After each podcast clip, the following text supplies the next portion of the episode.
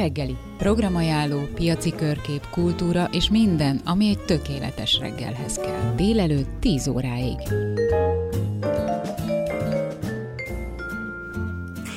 Újabb, nagyon érdekes és hasznos, eh, praktikus tanácsok érkeztek hazánk legnagyobb ökofalvából. A jelenleg tapasztalható súlyos asszály, élelmiszerválság és meg annyi más krízis orvosolható lenne a Krisna völgy által javasolt egyszerű életmód követésével és az önellátásra való törekvéssel, erdősítéssel. Az ökofalu működésének 30 éve alatt lakói sok tapasztalata tettek szert, kézzelfogható eredményeket értek el, és mindez szívesen meg is osztják minden érdeklődővel. Kilenc hónappal ezelőtt indítottuk el ezt a közös rovatot a Krisna völgyel, hogy a civil rádió hallgatói első kézből értesüljenek a kisléptékű önellátás útjáról, lehetséges lépéseiről. A rovat négy hetente szombat reggel fél kilenc táján hallható. Ma Magyarország egyetlen tehénvédelmi központjáról és az ökrös járgányházról lesz szó. Köszöntöm Kósa Antal, Antartidas, a tehénvédelmi központ, a Gosala vezetőjét. Jó reggelt kívánok, Góranga! Jó reggelt kívánok, Góranga! És üdvözlöm a rádió hallgatóit! Uh, ugye uh, a Tudtuk már korábban, mert többször is szó volt róla, hogy vannak tehenek, tehát van tehenészete a Krisna völgynek. Na de Igen. mi ez a tehénvédelmi központ? Mi ellen védjük a, a teheneket? hát ez egy, ez egy nagyon bő téma. Igazából én erről szoktam tartani másfél-két óra hosszás adást. Hát most, előadást. most ennyit nem de tudunk sajnos. Igen, próbálom röviden összefoglalni több szinten lehet megvédeni, mint ahogy mondjuk valaki, amikor gyerek bántalmazásról beszélünk, hogy gyerekeket is több szinten lehet bántalmazni, több szinten lehet védelmezni is. Tehát lehet fizikálisan bántalmazni, érzelmileg, mentálisan, és bizonyos szempontból ugye még az is büntetendő, hogyha valaki elhanyagolja a gyereket. És akkor ehhez hasonlóan mi a teheneket is több szinten védelmezzük, tehát az, az egy nagyon minimum, hogy, hogy nem öljük meg őket, vagy nem küldjük őket vágóhídra, hanem az életük végéig vigyázunk rájuk. De mi ennél sokkal mélyebben szeretnénk gondoskodni a tehenekről. Gyakorlatilag nálunk a tehenek és az ökrök, ők olyanok, mint a családtagok. Tehát, mint hogyha a gyerekeink lennének, a testvéreink lennének. És akkor így próbálunk gondoskodni róluk, és szeretnénk, hogyha boldogok lennének. És, és természetesen, hogy nem bántjuk őket, nem okozunk nekik érzelmi fájdalmat, vagy én nem, hát próbáljuk ettől is megvédeni őket. Mondjuk mondok egy példát, amikor a, egy tehén ö, megszüli a borját, és a borjú el van választva rögtön az anyukájától, ugye ez egy nagyon érzelmi nagy trauma a tehén számára, meg a borjú számára is.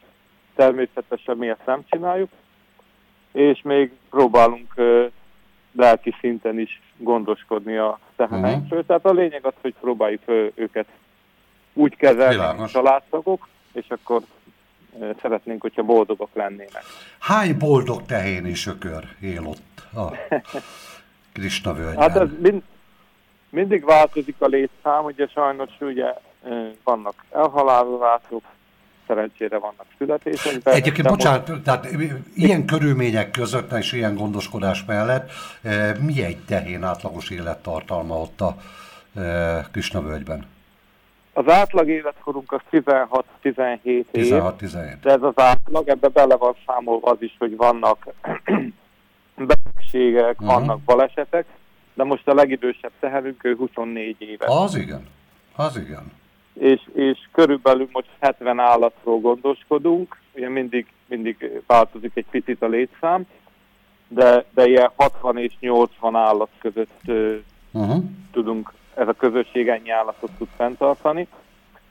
Az istálóik úgy vannak berendezve, hogy nagyjából 80 állatot tudunk gondozni, meg a legelők, a, a létszám, akik vigyáznak rájuk, tehát most olyan 70 állatunk van van egy ilyen természetes mm, egyensúly a, a, a születések és a, a halálozások között. Ugye, hogyha tudjuk, hogy 16 év az átlag életkor, akkor ha minden évben mondjuk négyet szaporítunk, akkor körülbelül be fog állni. Tehát van, nálunk van egy ilyen családtervezés, egy tehén családtervezés, tehát nem minden tehénnek minden évben születik borja, hanem minden évben tudjuk, hogy oké, okay, akkor mi most ennyi tehenet tudunk szaporítani, ennyi állatról tudunk gondoskodni, anélkül, ez, hogy... Ez teljesen természetes más. módon, tehát bikájuk is van? Nem, sajnos bikánk az nincsen. Nincsen? Illetve van egy, egy törpezebubika, de uh-huh. hát ez egy, ez egy nagyon komoly téma, de igazából ahhoz, hogy, hogy bikát tartsunk, ahhoz sokkal nagyobb létszámra lenne szükség. Tehát egy hát az, egy, az egy keményebb műfaj. Évi, évi négy szaporulat, és akkor ugye két évente már cserélni kellene a bikát, de hát természetesen a bikát se öljük meg, tehát Világos. akkor kellene minimum öt bika, uh-huh. akik az öt vonalat képviselik, de azok már addigra megöregedtek. De hát nyilv, nyilván, nyilván születnek kisbikák is, tehát azokkal akkor mi lesz? Hát ő, őket, őket kasztráljuk. Uh-huh. Ez is a tehénvédelemnek egyébként az egyik aspektusa, hogy, hogy attól is meg kell védenünk az állatokat, hogy egymásba, saját magukba, vagy emberekbe kárt tegyenek. Világos. És akkor azért, hogy, hogy ez lefordulhasson elé, akkor a bikákat kasztráljuk, és akkor ők ökörként folytatják tovább az uh-huh. életüket uh-huh. itt Krisnavölgyben, és akkor segítenek nekünk akár a mezőgazdasági munkákba, fuvarozni. Vagy például a járgányházban. Így van, pontosan uh-huh. most megépült a, az új járgányház, és akkor télen, amikor kevesebb munka van, amikor mondjuk nincs annyi szántóföldi munka, akkor még mindig tudunk a járgányházba különböző feladatokat elvégezni. Na, akkor, mert nem túl sok időnk maradt, akkor gyorsan a járgányházat e, ismerjük meg, hogy pontosan abban mi zajlik, tehát azt tudjuk, hogy akkor az ökrök ott e, dolgoznak. Így van, az ökrök mennek körbe, és akkor... Ez mennyire felel meg az állatvédelmi szempontoknak, hogy körbe-körbe jár az ökör? Próbáltunk maximálisan megfelelni, tehát pont ezért kellett, ez egy, hogyha valaki eljön Krisnavőbe, lehet látni, hogy ez egy hatalmas épület, uh-huh. tehát 14 méter az átmérője az, annak a körnek, ahol az ökrök mennek, uh-huh. pont azért, hogy, hogy akár mentálisan, akár fizikálisan ne okozzon nekik problémát. Nem szédül el. Nem szédülnek el, és az ívületeik se kopnak. Uh-huh. Szóval amikor uh-huh. mondjuk uh, lovakat futószáraznak, akkor is uh, ez a minimum, ez a 7 méteres sugarú kör. Tehát ott mennek körbe az állatok, és akkor az ő energiájukon ugye lehet használni egy, kettő, négy vagy nyolc ökröt is be lehet fogni uh-huh. ebbe a járgányba. Nyolc ökör az már elég, elég nagy ö, teljesítményt tud leadni, hát még ezt nem tudtuk pont lemérni, de nagyjából olyan 6 kW energiát tudnak leadni. Az hány lóerő? Hmm, hát ezt pontosan nem tudom. Én sem. A... Földön, szántóföldön az a tapasztalat, hogy mondjuk szoktunk használni olyan gépeket, amik kis traktorokhoz valók, még ez a 10-15 kilovattos kis traktorok, amik elvisznek gépeket, azokat az ökrök még, még viszonylag könnyen viszik. Aha, aha. És akkor, ahogy az ökröknek a körbejárásával, ugye egy tengelyt meghajtanak, és akkor utána a, ez, ez egy épület, vagy egy része az épületnek, ahol az ökrök körbe mennek, onnan kivisszük egy tengelyen a meghajtást, és a mellette lévő hm, helységben ott van egy, úgy kell ezt elképzelni, mint egy autónak a sebességváltója, uh-huh. ahol a, ugye ők egy perc alatt egy kört tesznek meg, és ez egy nagyon lassú fordulat, és nekünk vannak olyan gépeink, például a cséplőgépnek 900-as fordulatra van szüksége, vagy van egy malom, aminek 300-as fordulatra van szüksége, és akkor itt föl kell transformálni, és akkor ott van egy szerkezet, amit úgy hívnak, hogy transmisszió, ami, ami feltransformálja. Tehát mint az autónál a sebességváltó, ugye vált igen, igen, igen. és akkor... Nyomatékot vált, igen. a nyomaték és a, és a fordulat az változik, és akkor minden egyes gépnek van egy saját igénye.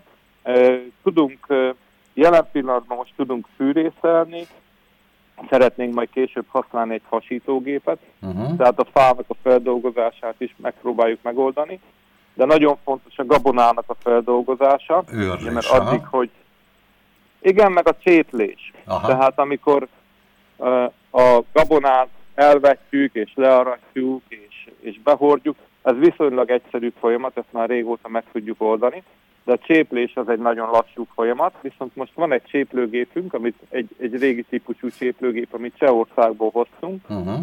és akkor ezzel a szerkezettel, ezzel a járgánya, akkor össze tudjuk kötni a cséplőgépet, és akkor ki tudjuk csépelni a gabonát, és akkor igen, utána jön egy magtisztító, és aztán az őrlés. Tehát gyakorlatilag a gabonának a teljes feldolgozását, a vetéstől a lisztig, akkor ezzel a szerkezettel meg tudjuk oldani. Tökéletes, tökéletes. Csak mondtam, hogy a kollégám közben kiszámolta 8,16 lóerő. Köszönöm szépen. Köszönöm szépen a segítséget. Nagyon szépen köszönjük, hogy rendelkezésünkre állt. Folytatjuk nyilván ezt a sorozatot tovább. Nem tudom még mi lesz majd a következő téma egy hónap múlva, de ma is érdekes dolgokat hallottunk a Krishna völgyből, úgyhogy köszönöm szépen Kósa Antal Antardidásznak, a Tehényvédelmi Központ a Gosala vezetőjének, hogy rendelkezésünkre állt és ilyen érdekes dolgokat mesélt nekünk. Viszont hallásra, Góránga! Góránga, köszönöm szépen, viszont hallásra!